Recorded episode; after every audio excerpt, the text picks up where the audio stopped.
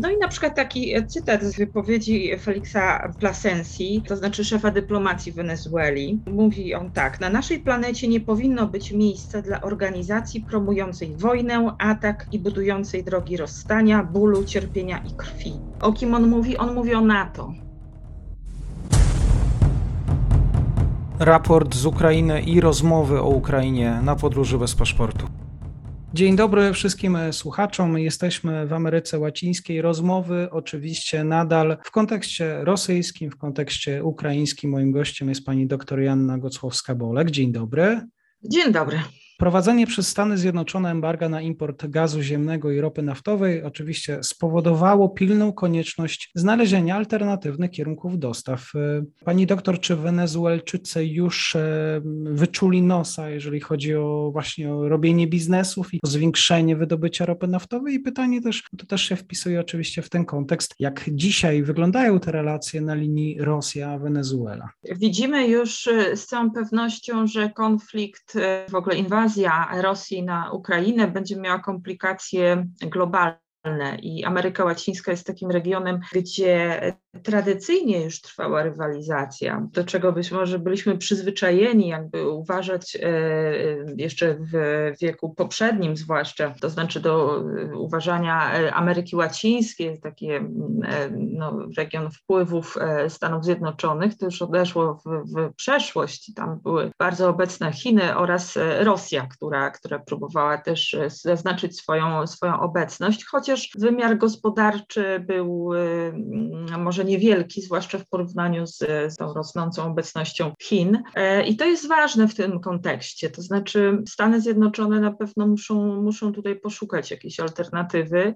co, co jest znamienne. Zwróciły się tutaj również w stronę Wenezueli, która przecież od, e, od początku e, kadencji, pierwszej kadencji Chaveza, czyli od 1999 roku, a więc wiele już naprawdę wiele lat posługuje się taką e, retoryką silnie antyamerykańską, silnie antyimperialistyczną i bardzo wyraźnie wskazując na to, że no takim głównym wrogiem w ogóle nie tylko Wenezueli, ale, ale Ameryki Łacińskiej są właśnie Stany Zjednoczone. W ogóle stanowisko Wenezueli nie jest, nie jest takie oczywiste, no bo z jednej strony moglibyśmy oczekiwać, że skoro właśnie Wenezuela była tym najbliższym jednak sojusznikiem Rosji, to tutaj jakby jej wsparcie, stanięcie po stronie Rosji w takiej sytuacji no, będzie oczywiste. No i tak właściwie na początku y, można by to oceniać, to znaczy, że, że wśród, y, chociaż wśród państw latynoamerykańskich istniały e, takie różnice dotyczące oceny działań rosyjskich, no to właśnie Wenezuela, Kuba, Nikaragua to były, e, czy są te państwa, które jednoznacznie poparły Rosję, e, chociaż potem na forum ONZ,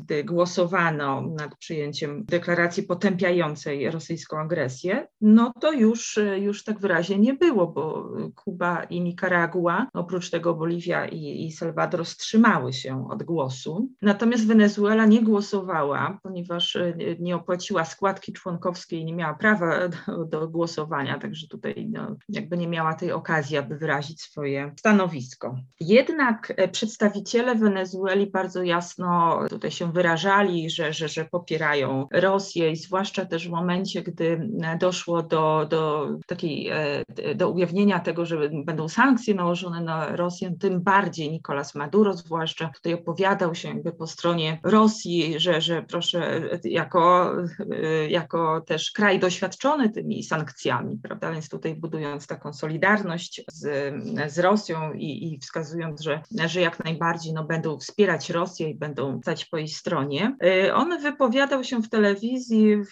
w taki sposób, że że, że, że właśnie potępiając sankcje USA wobec Rosji, jako mówił o zbrodni wobec Rosji, zbrodni przeciwko obywatelom Rosji i, i powiedział, że właśnie rozmawiał z Władimirem Putinem, zauważył spokój, mądrość i takie przekonanie o moralności. W ogóle tutaj możemy też e, zauważyć, że przed, właściwie przed każdą inwazją Rosji, to żeśmy obserwowali w 2008 roku i potem w 2014 przynajmniej teraz właśnie, tuż przed, przed atakiem na Ukrainę, rosyjscy dyplomaci byli obecni w Ameryce Łacińskiej i tam były podejmowane rozmowy na wysokim szczeblu po to, żeby właśnie zaznaczyć tu swoją obecność i Rosja chciała zarysować się jako taki gracz o globalnych interesach i, i jakby też podkreślić znaczenie tych relacji, chociażby z Wenezuelą. Także doszło, doszło do, do, do wizyt, doszło do rozmów, przynajmniej dwie telefoniczne rozmowy się odbyły, no według oficjalnych danych, pomiędzy Nicolasem Maduro a Władimirem Putinem i, i właśnie Nicolas Maduro potem też pisał o tym, że, że wyraża zdecydowane poparcie dla działań Rosji, potępia destabilizacyjne manewry USA i NATO. E, Maduro też, też mówi o tym, że, że zrobi wszystko, aby walczyć z kampanią kłamstw i dezinformacji państw e, zachodnich. Pamiętajmy, że mm, w Ameryce Łacińskiej bardzo silnie działa propaganda e, rosyjska. Tam jest obecna zarówno rosyjskojęzyczna wersja Russia Today, a jak też Sputnik. Docierają naprawdę w bardzo efektywny sposób do odbiorców tych hiszpańskojęzycznych, w Wenezueli również i po, powielana jest ta propaganda, powielane są te informacje, które są przekazywane właśnie przez te, przez te kanały. Do tego dochodzi taka dezinformacja bardzo silna w mediach społecznościowych, gdzie, gdzie, gdzie właśnie budowane są hasztagi, na przykład stop NATO, NATO równa się zbrodnia i, i tego typu informacje, które też potem e, również takie popierane jakby argumentacją prosto z, z Kremla są przekazywane też przez wielu polityków. W Wenezueli widać to bardzo, bardzo, bardzo wyraźnie. No i na przykład taki cytat z wypowiedzi Felixa Plasensi, to znaczy szefa dyplomacji Wenezueli. Mówi on tak: Na naszej planecie nie powinno być miejsca dla organizacji promującej wojnę, atak i budującej drogi rozstania, bólu, cierpienia i krwi. O kim on mówi? On mówi o NATO to on mówi o NATO bardzo wyraźnie wskazując, że to NATO jest odpowiedzialne za wywołanie tej y, agresji, tak? Nie mówi się o wojnie, mówi się o konflikcie, mówi się właśnie o agresji, o, o tym, że, że, że Rosja chce tutaj walczyć z faszyzmem i to jest, mm, to jest bardzo, y, bardzo wyraźne. Zresztą rosyjskie interesy gospodarcze też myślę, że tutaj są, są istotne. Rosja e, co prawda nie jest y, jakimś poważnym partnerem handlowym czy inwestycyjnym w ogóle na, na kontynencie latynoamerykańskim, chociaż stara się zaznaczyć tą swoją obecność. Natomiast jeśli chodzi o Wenezuelę, to tak, to, to rosyjska obecność tam jest rzeczywiście dosyć istotna zwłaszcza poprzez Rosnieft i realizację takich interesów w przemyśle naftowym. Bo jest e, od momentu, gdy zostały wprowadzone sankcje na, na Wenezuelę przez Stany Zjednoczone, czyli od, od sierpnia 2019 roku, to właśnie Rosnieft został właścicielem 66% tej głównej firmy e, PDVSA, czyli głównej firmy petrochemicznej w Wenezueli, gdzie wcześniej miał 44%. Z oficjalnych danych wynika, że od 2010 roku zainwestował co najmniej 9 miliardów dolarów w przemysł naftowy w Wenezueli. Ma udziały również w pięciu mniejszych firmach petrochemicznych w Wenezueli oraz w Citgo, czyli, czyli takiej firmie, y, która realizuje transport transport, sprzedaż, e, no i z rafinerią e, paliw transportowych, e, produktów petrochemicznych. Natomiast według Rosnieftu na koniec 2018 roku, takie dane, dane mamy, ty, tymi dysponujemy, Wenezuela była zadłużona na 2,6 miliarda dolarów wobec właśnie Rosnieftu, a w połowie 2019 roku do tego doszły należności rzędu 10 miliardów dolarów za zakup 36 rosyjskich myśliwców oraz, oraz dalsze inwestycje inwestycje Rosnieftu. Więc jak sobie popatrzymy na to, na to wszystko, na te olbrzymie tak naprawdę liczby, to uzależnienie od, od, od również gospodarcze od Rosji, inwestycje Rosji w przemysł naftowy, ale też e, sprzedaż, e, sprzedaż broni, to jest podkreślanie takiej obecności Rosji od lat i Wenezuela jest rzeczywiście zadłużona wobec e, Rosji i teraz no, Rosji zależy na tym, aby Nicolás Maduro pozostał u władzy, ponieważ każda zmiana jakaś taka w kierunku de demokratyzacji, a nawet w ogóle w ramach, w ramach być może no, tego reżimu, tylko, tylko obsadzenie go w jakiś inny sposób, no, może spowodować po prostu zagrożenie tych gospodarczych inwestycji, gdzie, gdzie widać, że akurat wobec Rosji Wenezuela jest tutaj poważnie, poważnie burzona. Także pilnuje Rosja tych, tych swoich interesów z całą pewnością. Stara się politycznie tam być obecna. Co jakiś czas właśnie odbywają się wizyty bądź, bądź właśnie rozmowy telefoniczne na wysokim szczeblu. I Nicolas Maduro tutaj od razu e, e, był, e, stanął jasno po stronie, po stronie rosyjskiej to zresztą było, było oczekiwane. Natomiast co się nieoczekiwanego stało, to jest, to jest ciekawe, bo po tych właśnie deklaracjach, że jak najbardziej tutaj prawda, wskazywanie na winnego, że NATO jest tutaj tym agresorem i, i że, że Rosja potrzebuje wsparcia ze strony Wenezueli. Potem nagle dochodzi do spotkania e, na wysokim szczeblu pomiędzy przedstawicielami Wenezueli i e, administracji e, Joe Bidena. Takiego spotkania od 2019 roku, czyli od momentu zerwania stosunków dyplomatycznych i, i obłożenia pomiędzy krajami, tak, i obłożenia przez Stany Zjednoczone Wenezueli sankcjami, to takich rozmów nie było. Przypomnijmy, że po wyborach prezydenckich, które zostały uznane za niedemokratyczne, za przeprowadzone z pogwałceniem właśnie e, wszelkich e, zasad, e, Nicolas Maduro nie został uznany za prezydenta przez, przez Stany Zjednoczone, no i przez wielu, wiele innych krajów, przez blisko 60 krajów, no w, tym, w tym kraju Unii Europejskiej. I wówczas, wówczas właśnie stosunki dyplomatyczne zostały zerwane, Stany Zjednoczone zamknęły swoją ambasadę i za prawowitego prezydenta tymczasowego uznano Juana Guaido, z którym, z którym podtrzymywano rozmowy. Więc tutaj takich rozmów oficjalnych z administracją Nicolasa Maduro nie było. I teraz nagle mm, dochodzi do spotkania y, nieoczekiwanego dla wielu, myślę, że dla większości obserwatorów, że, że jakieś osoby bardzo blisko administracji Bidena no, były wcześniej, wcześniej poinformowane, ale tak właściwie było to zaskoczenie dla całego świata, że na tak wysokim szczeblu odbyła się ta wizyta, gdzie z jednej strony proponowano pewne rozwiązania, które miały zapewnić e, Stanom Zjednoczonym no właśnie dostęp do, do wenezuelskiej ropy i gazu, po to, aby no, uniezależnić się tu, czy, czy jakby móc przeprowadzić skutecznie te sankcje, które są nakładane na Rosję. Tak, ale z drugiej strony chodziło oczywiście o wyrwanie Wenezueli z kręgu tych najbliższych sojuszników Rosji, bo Rosja tuż przed inwazją, tak jak e, wspominałam, poczyniła kroki, aby, aby no, porozmawiać, odwiedzić tych y, wysłań swoich wysokich y, przedstawicieli,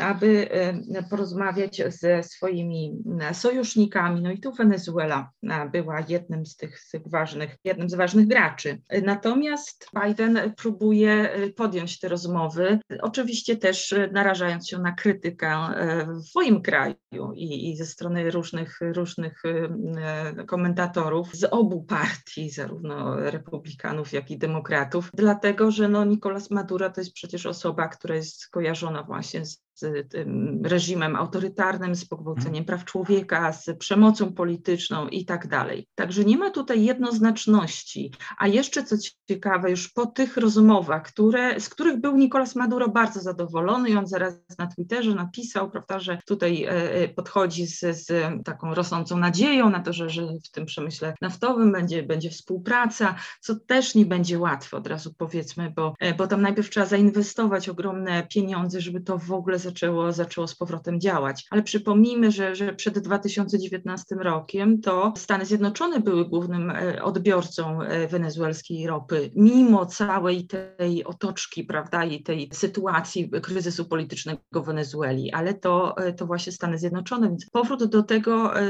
pewnie teoretycznie jest możliwy, ale tu najpierw potrzebne są duże inwestycje Jednak jednoznaczności nie ma, bo za chwilę, cztery dni później, po tych rozmowach, które prawda, no, mhm. mo, można było odczytywać jako pewien przełom, jedzie wi pani wiceprezydent Wenezueli do Turcji, spotyka się tutaj z Ławrowem, wymieniają uściski, wspólne fotografie, mówi się o, o właśnie przyjaźni i tak dalej, więc Wenezuela pozostaje tutaj w takiej nieoczywistej pozycji. Wydaje mi się, że oczekując na to, co się dalej będzie działo. Jeszcze, jeszcze muszę wspomnieć, że chwilę po tym spotkaniu na wysokim szczeblu z administracją Bidena, e, Nicolas Maduro no po raz pierwszy też od, od dłuższego czasu uwolnił dwóch amerykańskich więźniów, no, których e, bez, bez wyroku i bez, bez jakichś takich wyraźnych oskarżeń tak naprawdę mm, więził. E, więc to jest taki gest w kierunku Stanów Zjednoczonych, który ma pokazać tutaj pewną otwartość na dalsze rozmowy, dalsze negocjacje. To jeszcze pani doktor, słowo na koniec.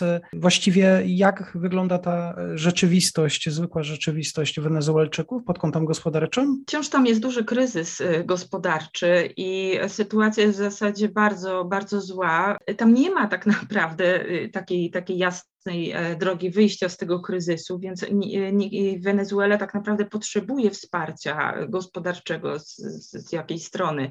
Jasne jest już dla Wenezueli, wydaje mi się, że Rosja takiego wsparcia gospodarczego jej nie udzieli, dlatego że, że, że po prostu też nie stać się na to i nie ma takich interesów, prawda? Poza odzyskaniem e, swoich e, tam zainwestowanych pieniędzy w ten przemysł i zyskaniem tego zadłużenia z tytułu sprzedaży Wenezueli, no dużej ilości broni. Tutaj e, jakby jej możliwości e, pomocy finansowej są naprawdę dzisiaj ograniczone. Stany Zjednoczone mogłyby zostać tym partnerem, ale tutaj prawda, nie, jest, nie jest to jasna e, sprawa. Jeszcze, jeszcze dodam, że Joe Biden przychodząc, zasiadając na fotelu prezydenta Stanów Zjednoczonych, nie miał żadnej jasnej strategii wobec Wenezueli. Wydaje mi się, że i wobec w ogóle regionu Ameryki Łacińskiej, ale wobec Wenezueli w szczególności. I właściwie odsuwał ten, ten moment, kiedy będzie y, musiał podejmować jakiekolwiek decyzje. No, więc tutaj nic się nie działo. Natomiast obecna sytuacja widać, że zmusza go do podejmowania jakiejś, jakiejś aktywności. Być może, że ten pomysł się, się pojawia. Na pewno, jeżeli będzie chciał z, podtrzymać e, teraz dialog z Wenezuelą, to musi się jak, jak jakaś argumentacja e, również e, finansowa, jakaś gospodarcza e, się pojawić, bo bez tego zapewne będzie, będzie trudno rozmawiać. Ja jeszcze powiem, może skomentuję, jakie, jakie właściwie interesy Rosja ma z Wenezuelą, bo to jest ciekawe. Otóż te, te relacje Rosja-Wenezuela w zasadzie one datują się od pierwszych lat prezydentury Chaveza, prawda? Więc to już jest ponad 20 lat. Początkowo Rosja tam koncentrowała się na inwestycjach w zakresie budownictwa, głównie budownictwa mieszkań zresztą, nie, nie, nie jakichś e, projektów takich państwowych i oczywiście sprzedaży uzbrojenia i zaopatrzenia wojskowego. I tutaj jest, jest tym e, poważnym partnerem. Co ciekawe, Rosja również planowała do, do końca bieżącego roku, e, myślę, że te plany zostaną jakoś zweryfikowane, planowała wybudować w Wenezueli właśnie, jako pierwszym kraju w ogóle latynoamerykańskim, zakład e, przemysłowy do produkcji kałasznikowów. I to, to, byłby, to byłaby próba zaznaczenia takiej obecności rosyjskiej, no i jakby nie było jednak militarnej w tym regionie. Z kolei, to myślę, że to fajne takie zestawienie, dobrze, dobrze to wygląda, tak Chavez zaoferował Rosji na przykład eksport kwiatów, orchidei przede wszystkim, także lilii, kali, gerberów, które, które Wenezuela produkowała i wysyłała w świat. Taka, myślę, że ciekawa parabola, prawda, za orchideę. Bardzo tytuł medialny, widzę już nagłówek, mm. nawet może nie tej audycji, ale wielu artykułów, które mogłyby się ukazać w przestrzeni medialnej. Dzisiaj moim gościem była pani doktor Janna Gocławska-Bole, która wyjaśniła właśnie zawiłości tej polityki Ameryki Łacińskiej w wersji wenezuelskiej, oczywiście w kontekście Rosji. Bardzo dziękuję pani doktor. Dziękuję bardzo.